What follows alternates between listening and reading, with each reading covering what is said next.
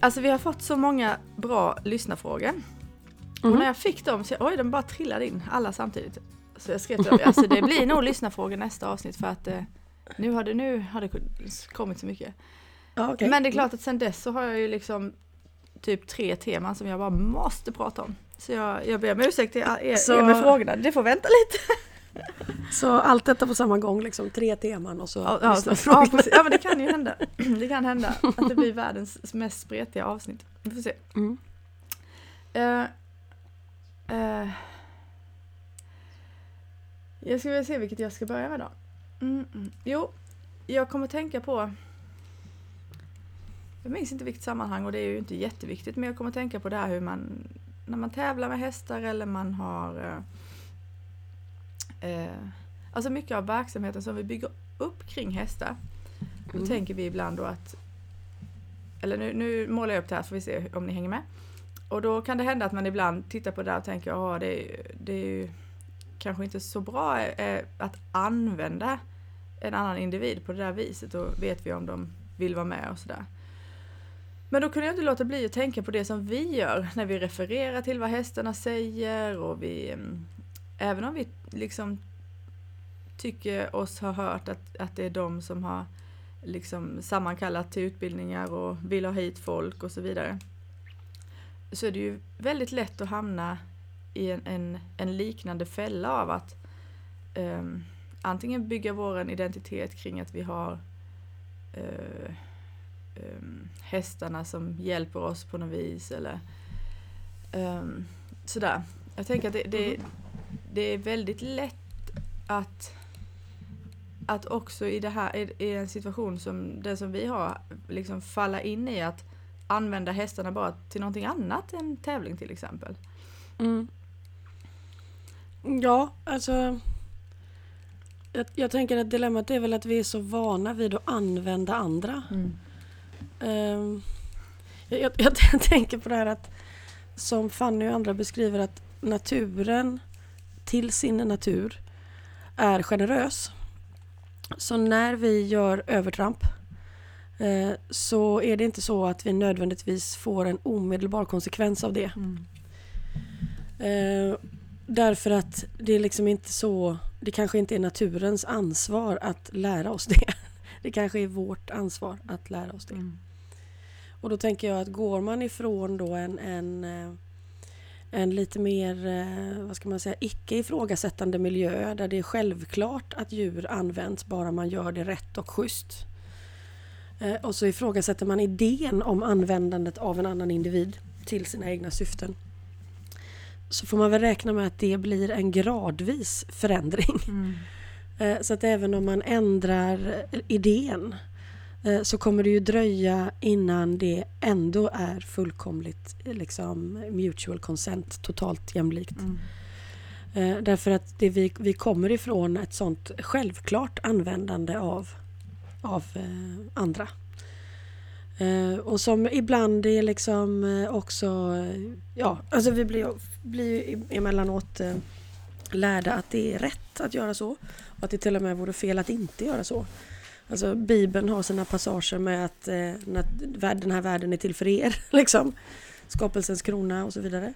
Och att man också i vissa liksom, framgångskoncept ser det som självklart att man eh, liksom ja, antingen tar maximal profit eller på något sätt eh, att man är en mer framgångsrik och till och med friskare person om man är kapabel att driva igenom sin vilja till exempel. Mm.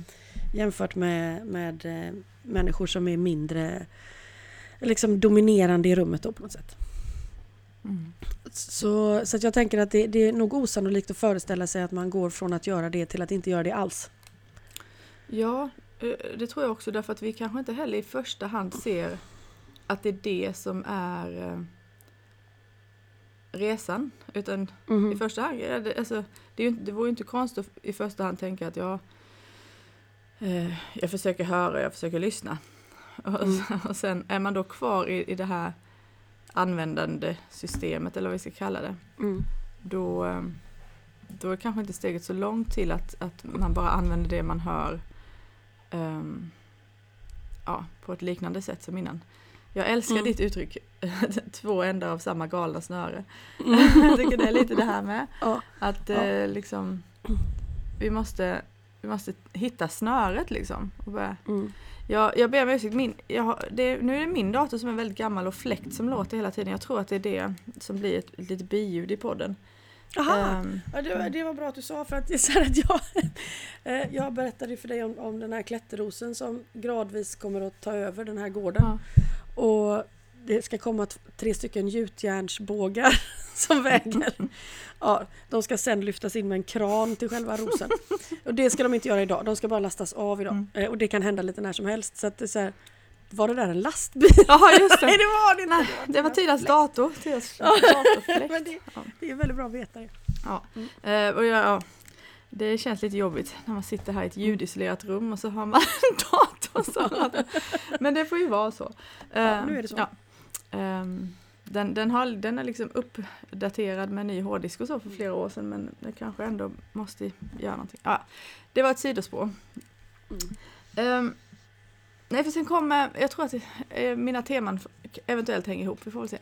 Eh, Ja, men jag, jag tänker bara Ja, en till sak absolut. kring det där. Eh, att jag tänker också att den här önskan ifrån djur att bidra, det skulle ju också ligga i naturens natur. mm, Eh, så att vi uppfattar det och att djur som mår bra och har ett överskott, eh, gärna då på ett kanske nästan instinktsmässigt sätt, eh, vänder sig mot människan för att vi är så skadliga på många sätt för naturen och behöver all hjälp vi kan få. Att det sker tror jag man kan förutsätta är naturligt och normalt och bra. Eh, Men sen är det ju som när vi har pratat om kommunikation att den där första impulsen är ju sann men sen startar hjärnan. Liksom. Eh, Så att från det att djuret har uttryckt en önskan om att, eh, om att vara med liksom, så drar vi ju igång såklart med det som är i, till stora delar är omedvetet hos oss. mm, Och då tror jag att vår, en av våra större stora dilemman är att vi så, eh, särskilt kanske här i väst, kan jag inte svara på riktigt, men att vi kopplar ihop det med ett görande då. Eh, Och eh, jag gissar att man liksom skulle kunna börja på ett ännu mindre minimum ofta. Att, eh, liksom, att övningarna är ett ännu mindre en övning till exempel. Men, men just att vi kanske skenar iväg och gör eh, i en eh, liksom vild eller positiv entusiasm i ett eh, kanske omoget eller tidigt skede då. Mm. Vilket också är en av orsakerna till att hela tiden pressa på med vänta, låt det sitta, rusa inte ut och så. Mm. Det här är ju en aspekt av det. Mm. Eh, Och ofta tror jag kanske inte så mycket i förhållande till, nu tänker jag på, på just när du nämner exemplet att, att djur deltar i kurser för att hjälpa människor i sin inre utveckling och så. Att, eh, att man, där har man ju, ska man ju svara mot den andra människan då, eller människorna. Och att det möjligtvis är i den relationen som görandet uppstår. Kanske inte möjligt, nödvändigtvis i relationen till djuret. Men det är ju många roller som uppstår. Liksom. Det är ju inte enbart relationen människa-djur som är relevant i det sammanhanget där. Nej. Som det naturligtvis inte är i tävlingssammanhanget heller. Är det, är det verkligen, jag kanske innerst inne är väldigt glad över att bara få tillbringa en dag med min häst. Men så drivs jag också av behovet av att hävda mig inför andra människor eller få bekräftelse av andra människor. Mm. Och så krockar det där. Liksom. Och det kommer ju krocka naturligtvis i sammanhang där man strävar mot liksom en mer kanske själslig eller andlig medvetenhet. Så kommer ju det där att vara med. Mm. Och kanske förstärkas ännu mer som en kontrast då. Ja, så, så vi ska få syn på det. att vi sitter fast. Mm. Ja, så man ska få syn på Mm. det precis. Mm. Men eh, jag hängde inte riktigt med på det där när du sa eh, i relationen mellan, det handlar inte, nej, är det, som i ett kurssammanhang till exempel, då handlar det inte Ja. bara om relationen eh, till exempel den eleven då, hästen, utan det, det är också den som är facilitör. Ja, Så blir det, kan det bli, ja, det, i relation, i relation till eleverna. ja. Eleverna i relation till varandra. Mm. Eleverna i relation till den som håller i det. Mm. Alltså, Mm. det är ju väldigt många speglingar och projiceringar som kommer att uppstå. Mm. med en gång vi möts. Och det kommer ju såklart att sudda över en hel del av djurets närvaro och intention och budskap. Mm. Det, det är oundvikligt, därmed inte ursäktat, men det kommer ju att vara där. Liksom. Det blir en väldigt spännande tanke för någonstans där Eh, å ena sidan då så tänker jag precis som det du säger att, att verkligen skala av övningarna. Alltså att, Mm. ehm, att inte springa iväg med dem. Mm. Eh, men sen, det går ju inte att komma ifrån antar jag. Eh, det, det går inte att komma ifrån men jag tänker inte att det är någonting dåligt heller att vi måste öva människor emellan. Eh, och att vi kan göra det i ett, ett sånt tryggt sammanhang när det finns massa Ja, hästar som håller oss. Absolut. Jag, jag tror att det bara är att vi behöver vara medvetna om att det är där. Att vi inte föreställer oss att eftersom vi inte vill att det ska vara där så är det borta. Ja, just det. Eh, Det är väl det. Mm. Att man tänker att eh, den risken inte finns. Liksom. Ja, precis. För vi är så... Någonting. Ja, Ja. precis. Mm. Eller för att man tänker sig att man genom att ha valt att möta djur i det sammanhanget är så långt ifrån den traditionella världen att man har lämnat alla de riskerna kvar där. Mm. Vilket man ju såklart inte alls har gjort. Nej, Allt, Precis. allt är, är med liksom. precis. Och ja, jag gillar det när du säger sådär att det kommer förmodligen belysas ytterligare lite. Mm, ja, troligtvis eftersom det finns ett specialintresse av att, att bli friare Ja. på insidan. Det är ju omöjligt att liksom plocka bort staketet om man inte ser det. Mm. Men är man Det blir beredd på det, att det kommer vara ännu värre, då... då Jag tror det inte att man annorlunda. är beredd på det. Jag tror inte att man är beredd på det om man inte har varit med om det på ett sätt som gör att man vet om det. Nej. Det står ingenstans att det är så. Nej, men nu pratar vi om det Eh, här så då kan man ja. För jag tänker det- att är man lite beredd så klarar man rätt mycket saker. Mm. Mm. Men om man, om, man, om man aldrig har sett, förstått att staketet är där och plötsligt ser det då, det kan ju bli liksom värsta grejen, tänker jag. Ja, och då skulle man ju också kunna välja att projicera det. De här människorna är jättehemska. Det här är en förfärlig plats. Så här kan man inte göra. Alltså, ja, just det. Det, man det- ser hos sig själv lägger man på någon annan då. ja, Mm. det är ju det troligaste. Mm. Och det kommer ju också oundvikligen att hända mellan eleverna i gruppen. Mm. Allt annat vore ju väldigt märkligt. Mm. Alltså jag vet ju att den här kursen bara eh, uppstod utan att du hade något val. Var, var ni på något vis överhuvudtaget beredda på sådana här saker? Projiceringen Nej. på er till exempel? Eh, jag är lite van vid projiceringar på mig för att jag har fått representera någonting i media till exempel i stundtals när om jag har varit synlig på grund av böcker eller så så, blir, så, så representerar jag ju antingen då en, en komplett galning med ingen självinsikt alls som tror att det går att prata med djur eller någon slags dröm om en, Mm. en, en eh, värld med en mer eh, liksom magisk verklighet. Mm. Båda sakerna blir väldigt problematiska så det gäller att inte, inte liksom fastna i någon av dem. Mm. Eh, Så ur det perspektivet så vet jag ju att saker kommer projiceras på mig och i rollen av att vara liksom den som samlar ihop och delar ut övningar så är det ju mig man också får rikta sig till. Liksom. Eh, Så, så det, det har jag nog varit lite beredd på. Men jag var nog inte beredd på att det skulle...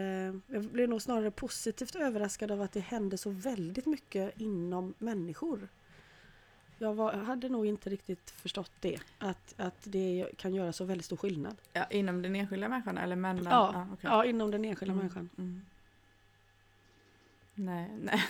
Herregud, vad, vis, vad visste någon när vi började detta höll jag på att säga? Mm. Eller ja, förutom nej, hästarna ingenting. då eller? mm, ja, förutom var- hästarna som ju måste ha vetat att det var dags att kunna ta någon idé om vad som kunde hända. Jag känner att Men- någon sitter och fnittrar någonstans i alla fall. Ja, säkert många. Herregud. mm. Men jag trodde nog inte att så mycket skulle vara möjligt. Liksom. Nej. Eh, Det spännande i det är ju också att när man, när man är del av det så ehm, eh, det sker ju ändå stegvis. Vi har ganska så lång tid emellan. ehm, alltså det finns, det finns liksom en konsolideringsmöjlighet eh, Mm. som gör att man, eller jag till viss del i alla fall, jag tror jag skrev det till dig med. Eh, det, det är väl lite Tao Te Ching, det där man får den där känslan. I did it all by myself. ja, precis.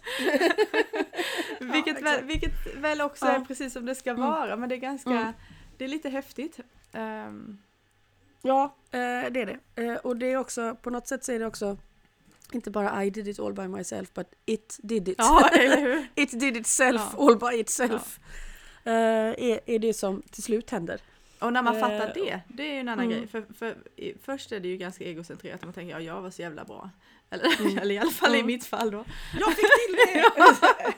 Eller Jag är Jag så får jävla dålig. Ja, exakt. Samma snöre.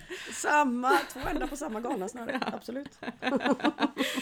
Ja, ja ytterligt. Ja. Mm. Det är ju den insikten i livet i stort är ju, ehm, hur ska man säga, berusande tycker jag. Mm. Eh, Ja. Och det, vetskapen om det gör det ju lite lugnare för mig. Eh, alltså jag tycker ju att den här rollen är jättesvår. Hade det varit upp till mig så hade ju det här aldrig hänt.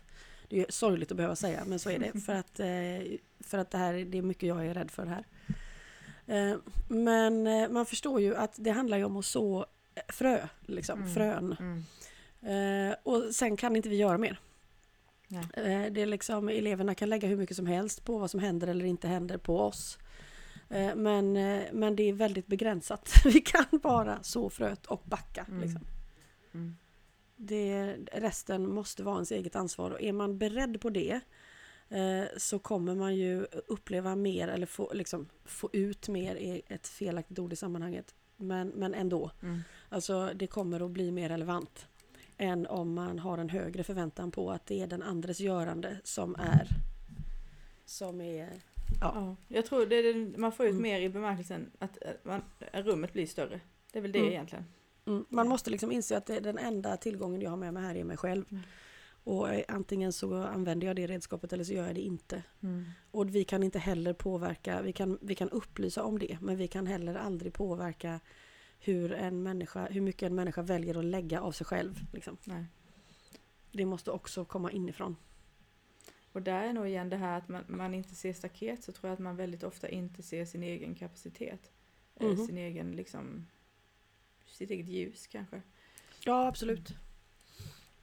Men eh, jag tycker det är kul att du är rädd för det för det, jag menar vi är ju också skiträdda.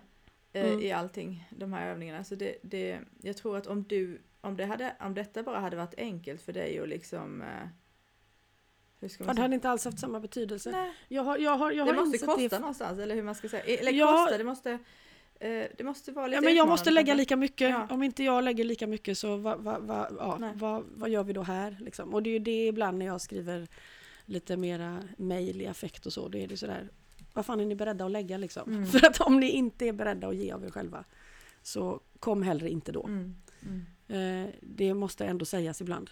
Mm. Alltså jag önskar att jag kom ihåg den här formuleringen som du som dök upp i dig om, om em, när vi pratade om att betala. Mm. Eh, att, att liksom betalningen var någonting gentemot För att eh, ett, en, en akt, ett agerande i att inte ta den andres närvaro för given. Just det. Och det är Mm. väl lite samma kanske här. Att Ja, det är det. Inte bara Här- närvaron utan hela engagemanget liksom. Kommer Ja, vi med ja, samma? precis. Mm. Mm. För att om det, det är ingen idé att gå in i det här med, med ja, men jag gör några grejer och så fikar jag resten. Det är ingen, det är ingen idé liksom. Mm. Det, det är bättre för att det, det blir eh, det blir någonting annat.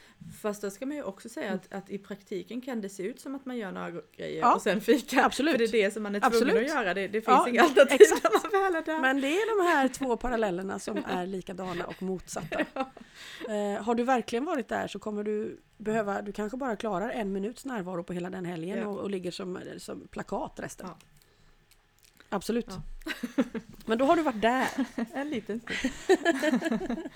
Ehm, Nej men jag förstod det här först för några dagar sedan när jag fick besök av eh, Rosen, eh, Rosenlärare och terapeuten Trude. mhm.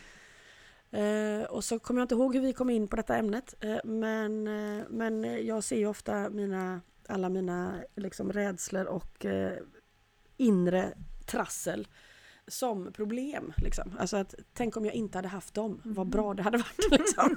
och det hade det ju säkert på, på det hade varit enklare, det, hade, det förstår jag. Ja. Men, men Då hade du haft andra hon- problem ju. Ja, då förklarade hon som eh, ur sitt perspektiv, i Rosen handlade det ju väldigt mycket om att terapeuten behöver kunna stå kvar. Mm. Eh, Och det gör det ju för oss också. Mm. Men där är det ju jättetydligt utkristalliserat. Liksom. Du ska bara vara där. Ah, Hela upplevelsen ligger hos den andra. Liksom. Och då sa hon att men det, det kan ju vara lätt att stå kvar i någonting som man aldrig har upplevt. För det berör en inte. Nej. Eh, Men det kommer heller inte att beröra den som ligger på bänken. Mm. Eh, Men om du kan stå kvar i någonting som är upplevt, då spelar det roll i rummet. Mm. Liksom. Mm.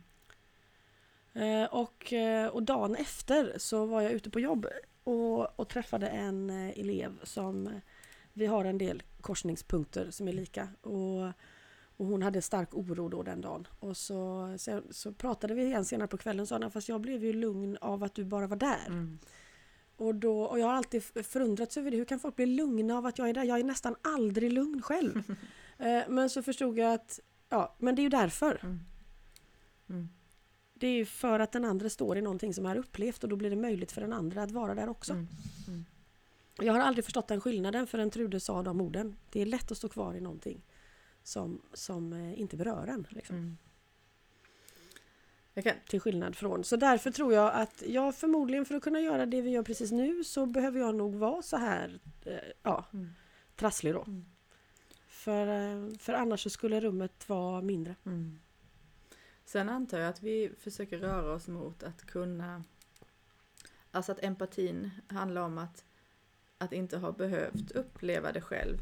Och, och kanske också, alltså din upplevelse kommer ju ändå aldrig vara exakt samma som den andras. Mm. Alltså förstår du vad jag menar? Att vi, Mm. att, att, Men det är den- bra den- att det finns kanske, men, men det är ju som vi brukar också säga, inte ett självändamål kanske. Nej, men då tror jag man pratar om någonting annat. Mhm. Jag tror att när man pratar om att det inte ska vara ett självändamål då handlar det om huruvida man har lagt en identitet Mm, i de här svåra känslorna. Mm. Men det tänker jag att det kan ändå vara bra Eh. kanske att eh, belysa det lite när vi pratar om det för att eh, för mig då som är sån där eller på tal om identitet ja, men jag Mm. kanske har det, haft det lite, smidigare, har det smidigare med mig själv. Eh, då, eh, ja nu ska vi se om vi kan problematisera detta. Då kan det ju ibland kännas som att, att, att det inte riktigt är okej. Alltså, Alltså, Mm. Och- och- Att det inte är okej blir ju fel. Ja, men jag, ska, jag, ska, jag, jag, jag, jag, tänker medan jag Mm. pratar, därför går det så Mm. långsamt. Mm. Alltså att, att det Man skulle, skulle vara mindre uppfatta det så. värt Mm. eller så. Att, att, att Mm. man måste, måste, jag måste leta fram mina mörkaste saker även om de knappt finns. För Mm. att liksom ha ett, ett, ett berättigande i en, i en sån här situation. Mm. Men jag tror att det handlar alltid om om man möter någon som har, som har en annan referensram än en själv. Om du möter ett djur med, med djup ångest och du har aldrig upplevt det. Mm. Eh, då blir det väldigt viktigt att du verkligen lyssnar klart. Mm. För att när du ska möta någonting som, som du inte kan relatera till så Mm. kommer det att uppfattas abstrakt. Antingen så kan det bli så att man inte uppfattar det alls för att det är så okänt att det, passer, alltså, ja, det, blir, det, att det helt enkelt är en blind fläck. Mm. Eller så blir det så eh, kraftfullt när man möter det att, att man in, in, får väldigt svårt att stå i det. Därför att man har inte upplevt det förut. Mm. Eh, och där skulle det kunna finnas en risk att man då vill åtgärda det. Liksom. Ja, precis. Alltså, nej så här dåligt behöver du absolut inte må, det är ingen fara, det går att må mycket bättre. Mm. Eh, vilket ju inte är lösningen för den andra. För, för de här svårare känslorna så ligger ju lösningen i princip alltid i att man står kvar och väntar ut dem. Mm. Eh, Därför att det är nästan enda möjligheten att, att på riktigt uppleva att man bemästrar dem, alltså att man är större än dem. Ja. Till skillnad från att de äger en. Eh, och, och motsvarande utmaning skulle man kunna ha om man har väldigt mycket eget mörker. Att man absolut inte vill gå dit och tycker att det är oerhört obehagligt. Och blir rädd för att falla rakt igenom för att man har varit med om det. Mm. Eh, eller att man liksom behöver att den andra mår dåligt för att själv få sällskap. Mm. Och håller kvar båda parter i det. Så att det finns utmaningar på båda sidor. Liksom. Mm. Ehm, De, jag vet att i eran grupp har det varit en del diskussioner om att det definitivt inte får vara ett egenvärde att, eh, att eh, må dåligt och varför ska det vara nödvändigt att misslyckas och så. Och jag kommer ju alltid hävda att det är nog ändå nödvändigt att misslyckas. för, eh, för att det, det breddar på ett sätt som, eh, ja, jag förstår varför hästarna gör övningar där någon, man måste alltid misslyckas på någon liksom. men det, det Därför ju att, att, att, bara gå, att naturlag. bara gå från klarhet till klarhet Mm. tror jag inte riktigt leder till den platsen man tror. Nej. Eh, Och då vet man ju heller aldrig var gränsen går. Eller var Mm. kapaciteten går. Men att det är inte så att du måste ha haft eh, liksom posttraumatisk stress för att hjälpa någon som har det. Mm. Eh, men om du har haft posttraumatisk stress och kommit ut på andra sidan av det så kommer din närvaro i rummet att spela roll Mm. utan att du gör någonting. Mm. Mm. Eh, har du inte upplevt posttraumatisk stress, jag har inte posttraumatisk stress och jobbar med det väldigt aktivt. Eh, då får du liksom ha en väldigt stark vilja i din empati till att inte dra en slutsats å den andres vägnar. Liksom. Mm. Mm. Eh, och att man som sagt ja, sta- stannar i det och erkänner att det här förstår jag inte men jag är med dig ändå. Mm. Liksom. Mm. Och ännu värre är ju egentligen de här när det blir en, en blind fläck. Mm. Hur, vad har, vi, har vi några sätt att liksom ehm, ja, förs- Ja, alltså försöka jag, tror, jag tror att, jag tror att de, förekomma bästa, det? De, de bästa sätten att hantera blinda fläckar är ju att inte dra en för snabb slutsats. Vi kan förutsätta att vi alltid drar en för snabb slutsats. Mm. För att vi kan förutsätta att det alltid finns blinda fläckar. Mm. Vad man än har varit igenom och inte varit igenom. Mm. Så alltså, det är ju inte så att en, en negativ upplevelse är starkare än en positiv. Är, vi har olika erfarenheter av livet. Liksom. Mm. Eh, och när man mö, två individer möts så kommer ju dessa erfarenheter ibland att vara gemensamma och ibland inte. Liksom. Så, så det är klart att vi kommer alla, oavsett vilken, vilken ände vi kommer ifrån, så kommer vi, det finnas blinda fläckar i mötet med den andra. Mm. Det är också Och vi- jättebra att ha med sig. Ja, och vi kommer att och liksom omedvetet försöka leta efter gemensamma nämnare. Eh, eller tvärtom. Alltså Mm. så det här snöret igen. Mm. Antingen det här har vi gemensamt, nu det här var mysigt, detta kan vi, nu, nu förstår vi varandra. Eller, Eller men så här kan du ju inte tänka, nu har du fel. Ja. Det är roligt att hoppa, din ägare är jättesnäll, bara gör det. Alltså, Mm. Mm. det är, vi, kan, vi kan dra det åt vilket håll som helst, men och där kommer ju åsikterna då också att komma in. Mm. Som inte ska vara med, Mm. såklart. Ja, alltså det, det- får en att tänka på Lillan Watsons eh, citat där. If you come here to Mm. help me, you're wasting your time. Mm. If you come because your liberation is bound up with mine, let's work together. Något sånt va? Mm. Ja, det är så. Det är Ja, exakt så. ja. Och det, det sammanfattar ju alltihopa. Ja, det gör det. det. Det räcker ju med den. Det gör ju det. Mm. Men, ja, Och- man måste bara sätta ja. sig tillbaka där. Om man har råkat Mm. springa ifrån den. Det gäller ju också att liksom den som har kanske haft en enklare väg inte ställer sig över de som har haft en svårare. eh, För att man tänker så här svårt kan det bara inte vara. Mm. Eller, eller i en omvänd miljö där det förutsätts att en svår, svårare, svårare minnen är en grundförutsättning. Eh, Nu är det ju så för oss som har ett riktigt trassligt psyke så är man ju nästan alltid i underläge. Det är i princip alltid en nackdel. Så vid de få tillfällen där man kan se en fördel med det, då blir man rätt glad. Och då lyfter man gärna fram det. så det kan hända att det därför också då uppfattas som att man eh, trycker på det. Mm. Liksom. Vilket jag tror att man egentligen inte gör för att resten av tiden är det, är det bara i vägen. Mm. Liksom. Men det finns något spännande, jag läste bara någon rubrik någonstans, alla vill vara en underdog.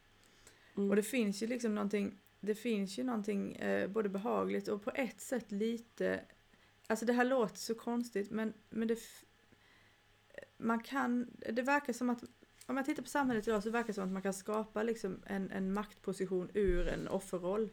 Mm, absolut. Absolut, det är väl en av de mer effektiva eh, härskarstrategierna Mm. får man väl säga. Mm. Men då har vi ju en identitet igen. Ja. Då är vi ju inne på det ja, igen. Ja. Och sen är det ju det andra då, som jag tror är liksom människans riktiga stora dilemma. Att eh, ta den fulla konsekvensen av sitt agerande och ju sämre jag är, eh, desto mindre förväntas jag liksom, Mm. eh, vara ansvarig i förhållande till resten av världen. Mm. Jag är så liten och dålig och trasig och konstig så att, att jag inte kan göra så mycket åt miljöförstöringen eller, eller att jag inte höjer min röst när det är en orättvisa eller kliver fram på gatan när jag ser att någon blir kränkt. Liksom. Det är inte så konstigt, för jag Mm. menar, det kan inte jag. Nej, precis. Ehm, den tror jag Mm. är... Ja, den tror jag är väldigt typiskt mänsklig. Så att, Mm. att liksom träda fram i sitt fulla ljus, att verkligen göra det, Mm. Eh, då, då har man Willows övning. Då har vi inte så mycket ursäkter kvar längre. Eh, för det som, som är en flock. Liksom. Vi tänker oss att en icke-hierarkisk modell ska vara någon slags flummig, eh, mysig tillvaro. Men det, det är det ju inte. Inte på det sättet. Utan det handlar ju om att nej, när det är jag som ska träda fram så gör jag det med allt jag har. Med liksom vetskapen om att jag är okej med att dö i det. Liksom, om det är det som krävs. Är det det Så som att- är Willows övning eller vill du bara påminna mig om den? Ja, Willows övning är att man går till någonstans i skogen eh, där man når sin bekvämlighetsgräns, alltså där man tänker att eh, att eh, går jag längre nu så går jag kanske vilse. Alltså det. någonstans där det börjar kännas lite, men här är nog gränsen för min mitt revir, min kapacitet liksom. Mm. Och där ställer man sig och eh, jag tror man först tackar för allting som har varit obegripligt. Och sen, eh, och sen accepterar att jag är fullt ut ansvarig för alla mina handlingar. Mm. Mm. Och då säger hon, det här borde göra att ni känner er fria. Mm.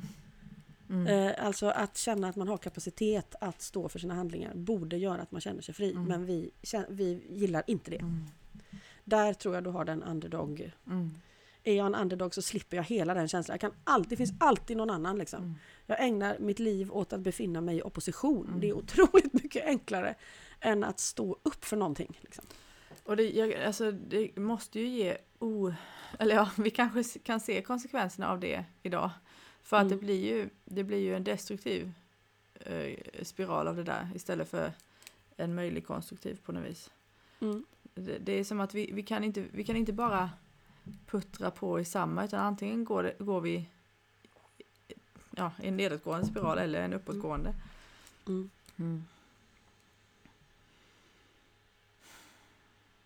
Men jag, jag tänker att hela vårt dilemma med liksom, varför använder vi djur? Varför, hur ska vi kunna veta om det är rätt eller inte? För det är liksom, vill vi titta på den fulla Vill vi stå kvar så länge? Att vi faktiskt ser den fulla konsekvensen.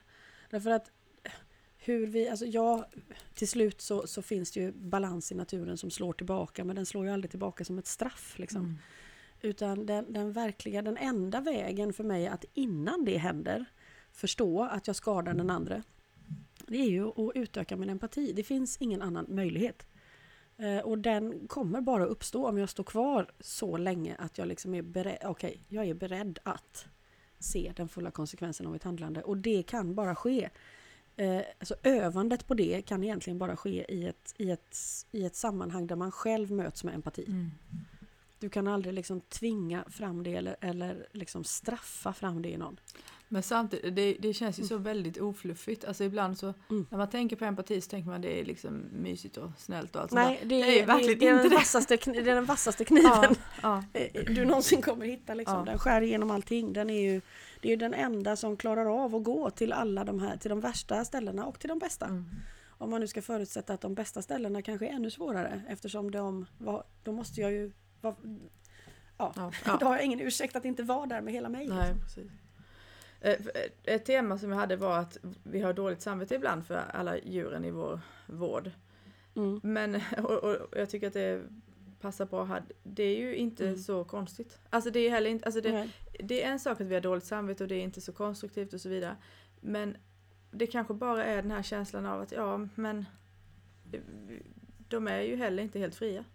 Nej, Alltså vi kommer nog aldrig komma ifrån den känslan. Och så det kanske inte handlar så mycket om att idag har jag inte hunnit eh, ge den här behandlingen jag hade tänkt eller vad- det nu är. Liksom. Mm. Utan det kanske, det, kanske, det kanske är en del av det här systemet Ja. som vi inte riktigt eh, fullt ut ännu kan liksom öppna upp.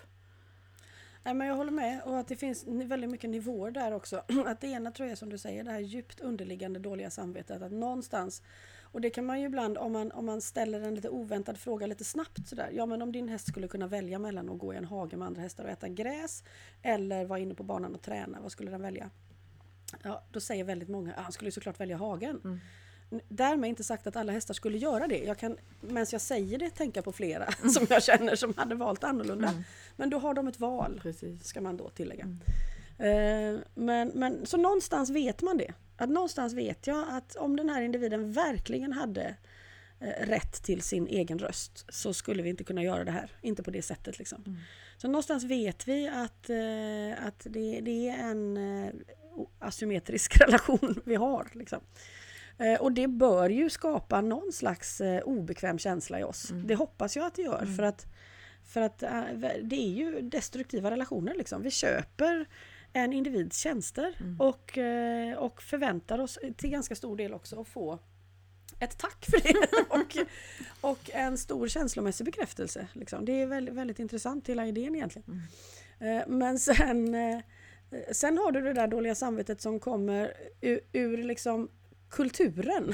Alltså, vad förväntas av en hästägare? Jo, vad, vad som förväntas i gruppen människor av en hästägare är ju att man rider sex dagar i veckan, Eh, att hästen är välputsad, eh, att den är avmaskad, att man har gjort ordning till, att man sköter den.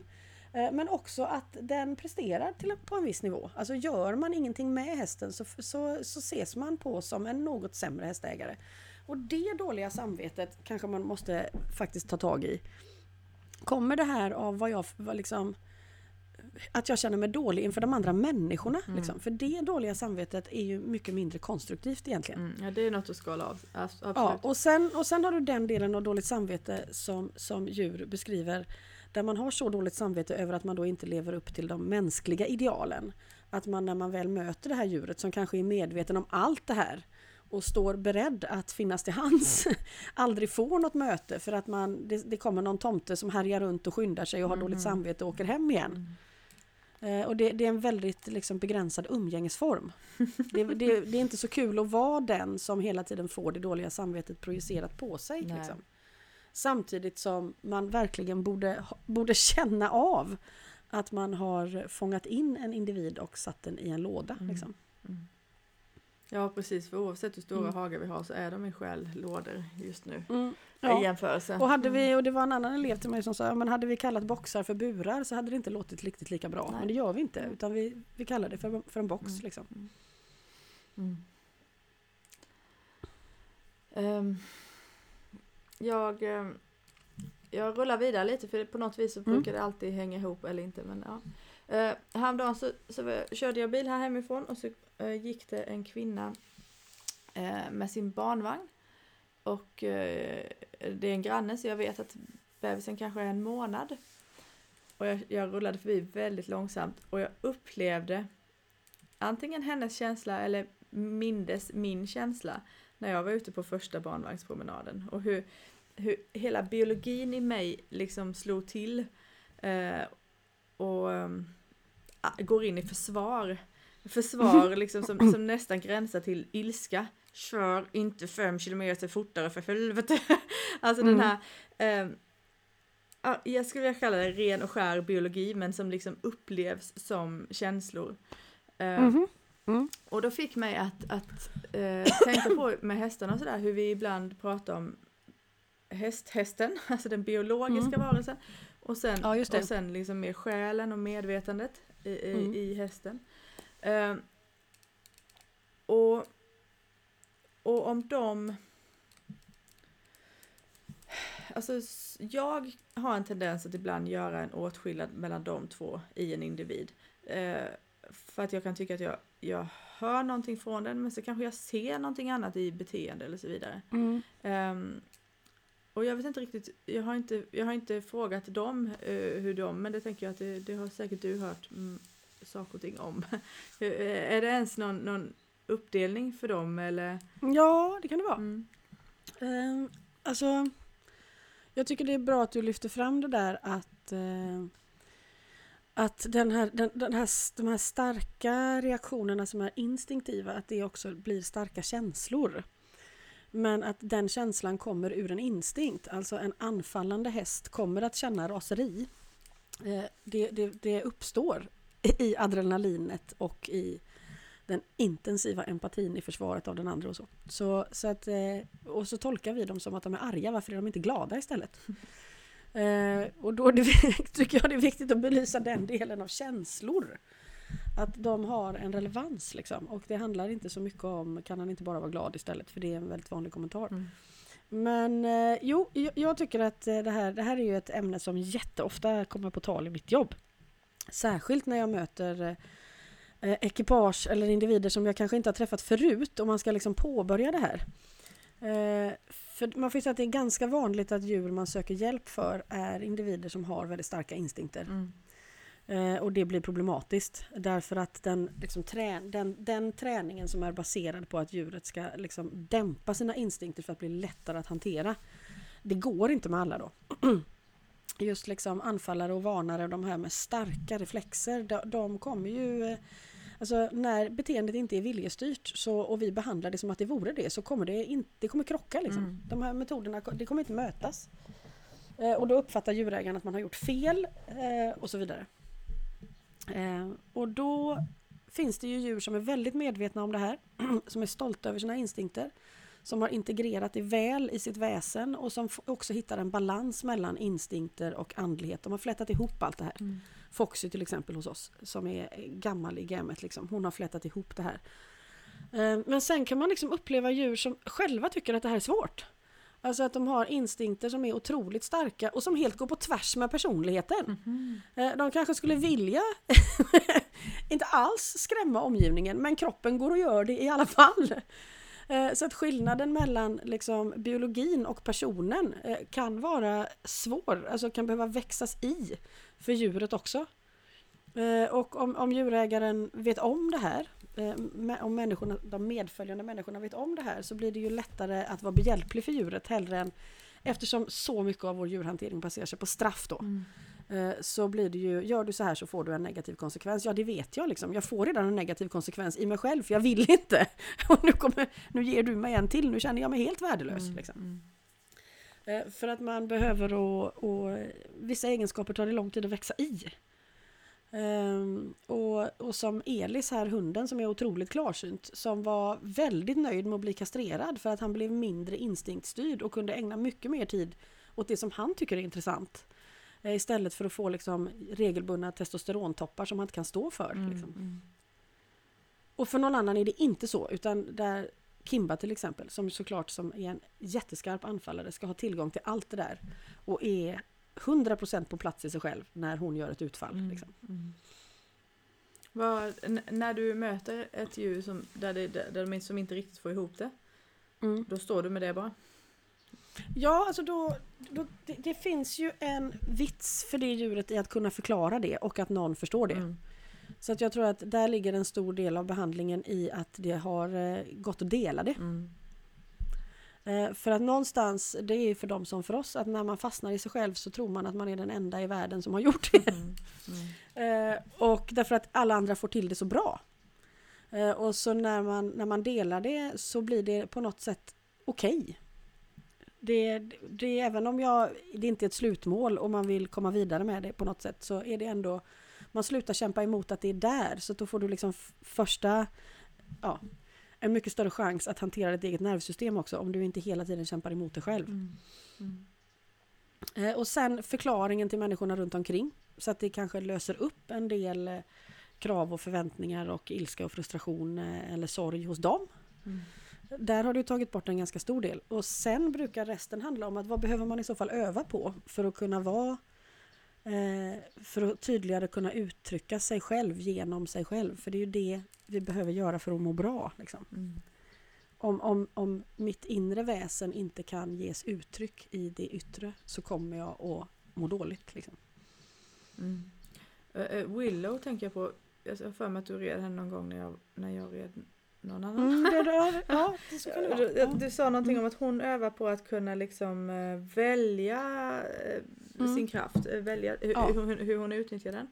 Mm, ja, precis. Vad, är, vad har hon för roll och vad har hon för instinkter? Hon är, hon är varnare, så hon har jättesnabba reflexer på att kasta sig ifrån.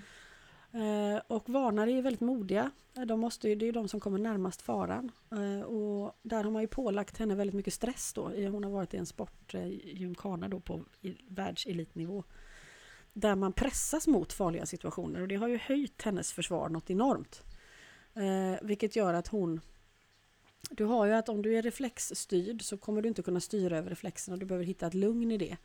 Men har, har man pressat på det där, alltså genom bestraffningar eller överpresterande, liksom, så kommer ju reflexerna att höjas och till slut uppfattas som att de övermannar en själv. Lite som skillnaden mellan att normal rädsla eller oro slår över i ångest eller panik. Mm, Liksom. Plötsligt så blir det större än dig själv och vänder tillbaka istället. Mm. Eh, Så hon har ju varit väldigt klar över att hon vill öva på den där gränsen. Alltså den där övningen som hon går, man går till kanten och så står man där och, eh, och tar de- den fulla konsekvensen av sin egen närvaro. Det har hon ju valt att göra i ridning därför att det är i ridning som det har trasslat till sig för henne. Mm. Huh. Jag känner att det här är så hög densitet för detta avsnittet. Det kanske var en sån här freudiansk bortglömning i morse. det kanske var det, jag orkar inte med det. Ja, för er som inte vet om det så fick jag ett sms jag eh, har du, är det trassel? Då stod jag och stekte typ banan och äggplättar till ungarna och firade första april och namnsdagar och grejer. Äh, Men det kan du snart göra igen. ja, det kan jag snart göra. Jag fick ju uppgift att hålla detta kort så att de bara hann äta färdigt sin frukost. Jag sa det är inte säkert jag klarar det. Men man kan aldrig lova något. Nej, precis. Åh. Men vad väldigt spännande det här blev. Alltså det här känner jag att jag ska lyssna på igen. Ah, jag tänker att vi ska avsluta här. För att Ja. jag, om inte, jag, tänker inte, jag tänker inte hindra dig om du har någonting mer som du vill eh, ha in. Men jag är rätt Nej, men det är, väl, det är väl i så fall möjligtvis att betona just det där som vi kom in på sist. Att, att man behöver att, att få lov att uttrycka sin person. Det där gäller ju människor också. Alltså kan jag inte uttrycka min särart så kommer det leda till ohälsa. Mm. Ehm, och det är ju det som väl är det, sto- det största skälet till att det blir eh, till att våra, alltså det är ju det vi gör med våra tamdjur till en viss del hur vi än vänder och vrider på det. Mm. Vi tar dem ur ett sammanhang Mm. där de på ett självklart sätt hade uttryckt sin, eh, det inre hade fått lov att speglas i det yttre. Liksom. Mm. Ja, alltså, Och, och det våra, våra många... projiceringar möt, gör ju att vi möter dem med en bild som inte är relevant. Liksom. Mm. Och det, jag antar att det är på många nivåer med för, för de kan heller inte, alltså de artspecifika beteendena kan inte all, heller alltid, alltså det är inte bara det själsliga utan det är på alla Nej, nivåer. Det, det är på alla det nivåer. Mm. Och då ska man inte, då ska man inte gradera.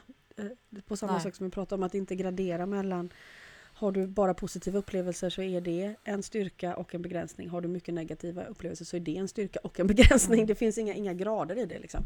Att du begränsar någon själsligt eller begränsar den rent fysiskt. Alltså Mm. att du stoppar en tiger i en bur. Det, ja, eh, det, det är tillräckligt illa. Liksom. Ja, Alltså, ja, det, det fysiska spelar roll och det biologiska spelar roll för att det har uppstått i ett så stort sammanhang under så lång tid. Mm. Att det är inte bara att trolla bort det och säga men, men kan du inte bli glad här istället? Liksom. Mm. Vissa har ju en fantastisk anpassningsförmåga och hittar livskvalitet. Men, men alla gör ju inte det. Så vi kan liksom inte, inte rättfärdiga alla våra beteenden med de som klarar av det. Liksom. Nej, så, Det är ju ett, det är ett alldeles för stort svinn. Mm. Det är ju det man Ja. ser. Det är därför vi har så här många djur. mm.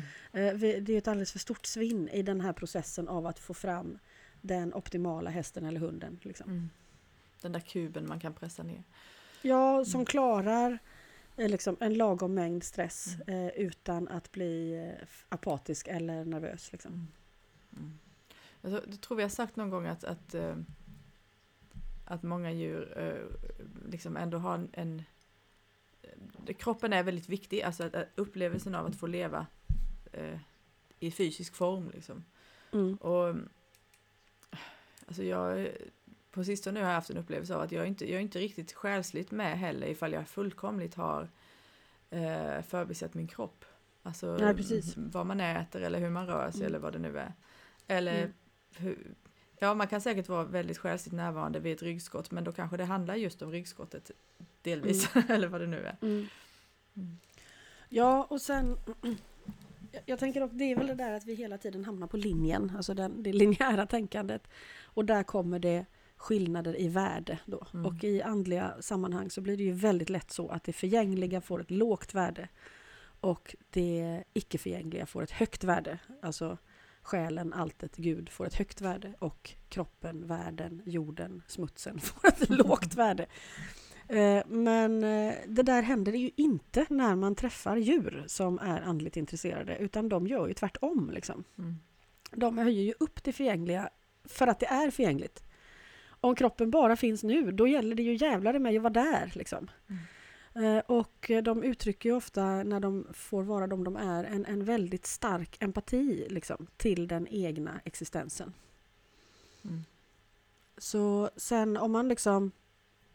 Sen använder de ju gärna kroppen till det yttersta och tycker ju liksom att man kan gärna dö med många R.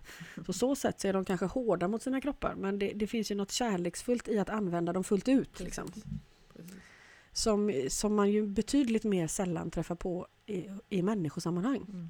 Där det mer handlar om att förfina eller liksom någon slags perfektion i användandet av kroppen. Inte det där, där djur, djur är ju mer som barn där liksom.